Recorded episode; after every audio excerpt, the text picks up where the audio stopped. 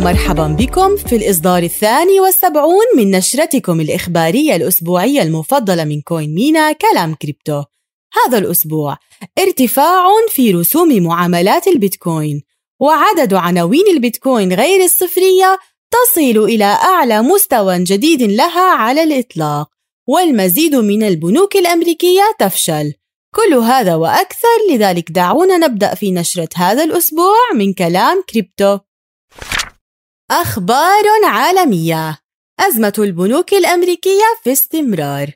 في الأسبوع الماضي أصبح بنك فيرست ريبابليك ثاني أكبر بنك يفشل في تاريخ الولايات المتحدة حيث صادرت المؤسسة الفيدرالية للتأمين على الودائع البنك وأصوله التي تبلغ قيمتها 220 مليار دولار ثم بيعت بالمزاد العلني لشركة جي بي مورغان يعاني بنك فيرست ريبابليك من مشكلات مماثلة لبنك سيليكون فالي الذي فشل في مارس بسبب التعرض لخسائر غير محققة من شراء السندات الحكومية الأمريكية طويلة الأجل والتي تراجعت قيمتها بسبب ارتفاع أسعار الفائدة.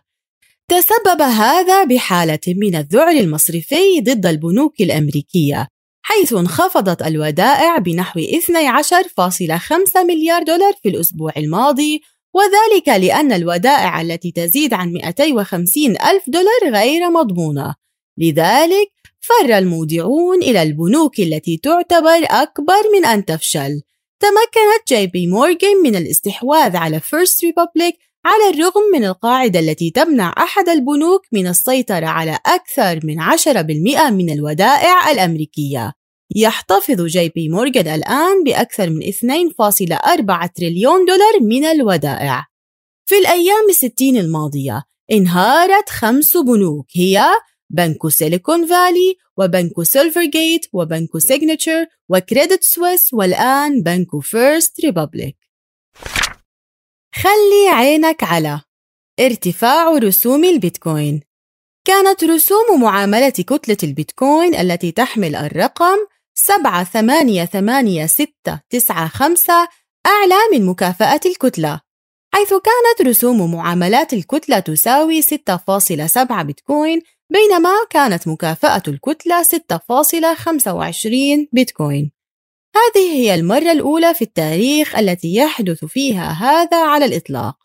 على مدار ال 24 ساعة الماضية شكلت رسوم المعاملات 22.8% من إيرادات المعدنين وهو أعلى مستوى على الإطلاق. حيث ارتفعت الرسوم بسبب زيادة الطلب على مساحة الكتلة من الأوردينالز ورموز PRC20 على غرار الأوردينالز تعد الرموز المميزة PRC20 نوعا جديدا من الأصول على شبكة البيتكوين والتي تسمح للمستخدمين بإنشاء وتداول الرموز عن طريق تسجيل البيانات على عملات الساتوشيز. لقد انفجرت القيمة السوقية لرموز BRC20 في الشهر الماضي. لتصل إلى 120 مليون دولار بزيادة قدرها 600% في الأسبوع الماضي. ومن المحتمل أن يؤدي هذا الازدحام والرسوم المرتفعة على طبقة البيتكوين الأساسية إلى تسريع اعتماد شبكة البرق لايتنينج وهي طبقة البيتكوين الثانية. أخبار بسرعة البرق. الأرجنتين تحظر البيتكوين. قامت الأرجنتين والتي تعاني من معدل تضخم يزيد عن 100% بمنع المؤسسات المالية من شراء البيتكوين. سعر البيتكوين حاليا عند أعلى مستوى له على الإطلاق في البيزو الأرجنتيني. وكما قال مايكل سيلر: اشتري البيتكوين عندما يمكنك ذلك وليس عندما يتوجب عليك ذلك. فيزا تخطط لاستخدام العملات المستقرة ضمن خططها المرتقبة تهدف فيزا إلى تشجيع تبني شبكات البلوكتشين العامة ودعم استخدام العملات المستقرة بين الناس. السلفادور تعفي الابتكار التكنولوجي من الضرائب.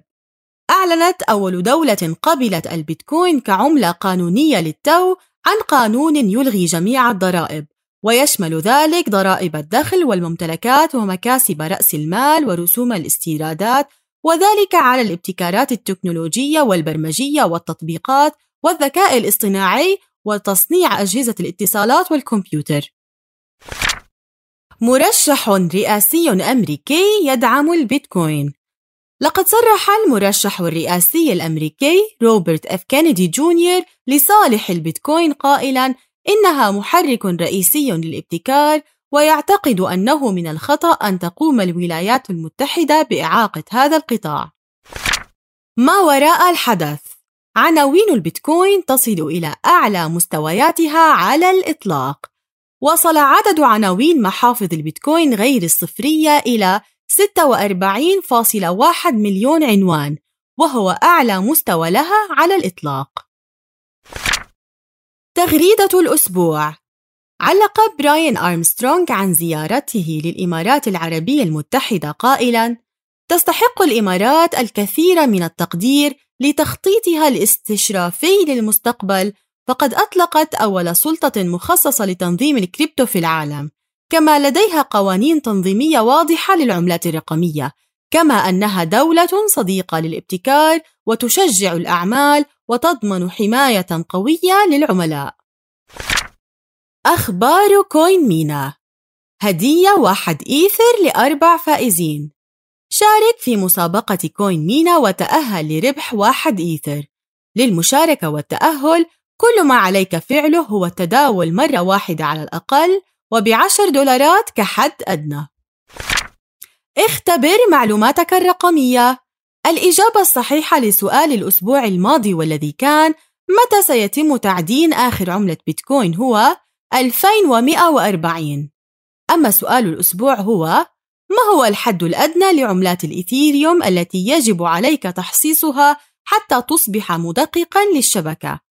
هل هي 32 إيثر أم 16 إيثر أم 8 إيثر أو لا يوجد حد أدنى؟ تجدون الإجابة الصحيحة في النشرة الإخبارية القادمة أو تفضلوا بزيارة موقع جامعة كونينا تجدون الرابط في صندوق المحتوى